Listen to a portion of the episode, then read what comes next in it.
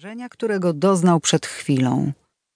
Usiedli przy czteroosobowym stoliku znajdującym się pod ścianą. Kelner zjawił się szybko i ojciec zamówił dania wybrane z karty. Widzę, że coś cię trapi, powiedziała matka, przyglądając się Adamowi z troską. Nie, mamo, wszystko jest w porządku. Żałuję tylko, że nie zakończyłem tej pracy tak, jak planowałem. Mówiąc to, obejrzał się dyskretnie, ale miejsce w kącie było puste. Ależ zrobiłeś bardzo interesujące badania. Przypomnij sobie, ile wysiłku kosztowało ci odszukanie tych wszystkich ludzi, z którymi przeprowadziłeś świetne wywiady. Zaoponował ojciec i skosztował przyniesionego właśnie wina. Twoje zdrowie, synu. Za dalszą pomyślność. Wzniósł kielich do góry i uśmiechnął się szeroko. Adam upił łyk wina i już otworzył usta, by coś powiedzieć, ale zrezygnował. Będzie udawał, że wszystko jest dobrze. Rodzice nie muszą wiedzieć o jego rozterkach. W porządku, dzisiaj będzie świętował. Po obiedzie przeszli się jeszcze po starówce. Zjedli po wielkiej porcji lodów i wrócili do domu. Od wspólnej kawy Adam wymówił się zmęczeniem i umknął do swojego pokoju. Od kilku miesięcy nie sięgał po dziennik Magdaleny leżący na dnie szuflady, teraz jednak nie potrafił się temu oprzeć. Coś znacznie silniejszego od jego własnej woli kazało mu to zrobić.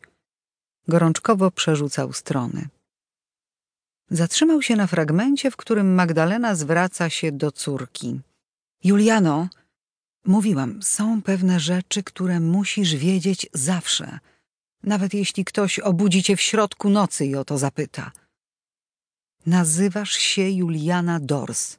Twoja matka to Magdalena, a ojciec Piotr. Piotr Dors. Nazwisko panieńskie twojej matki Brzeska. Magdalena Brzeska Dors. Urodziłaś się... Poszukał wzrokiem drugiej informacji. Urodziłaś się w Bieszczadach, w lesie. Dzieci zwykle nie rodzą się w lasach, ale tobie się zdarzyło. Powiedziałam i uświadomiłam sobie, że Juliana jest góralką, bieszczacką góralką. Twoja babcia i dziadek mieszkają w Konstancinie i tam musisz ich szukać. Adam zamknął gruby, sfatygowany zeszyt i zadumał się. To Juliana była przyczyną jego niezadowolenia z obrony pracy dyplomowej. Przez nią też utracił kontakt z Tofi. Wszystko miało wyglądać zupełnie inaczej.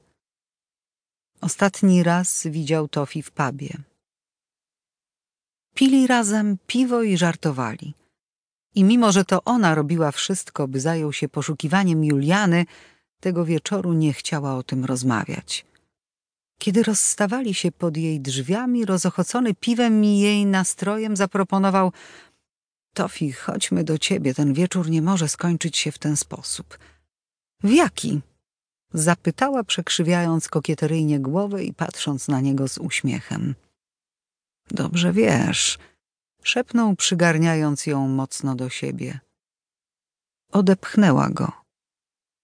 W oczach miała iskry niewróżące niczego dobrego. Adam, syknęła. Nie spotykam się z tobą w tym celu, rozumiesz? Nie wygłupiaj się. To, że będziemy wspólnie poszukiwać Juliany, nie przeszkadza przecież. Mylisz się. Nie interesujesz mnie jako obiekt miłości. Nie po to. Zamilkła nagle, jakby powiedziała za dużo. Idź już. Dokończyła i odwróciła się do drzwi, przy których zaczęła manipulować kluczem. Wiesz co?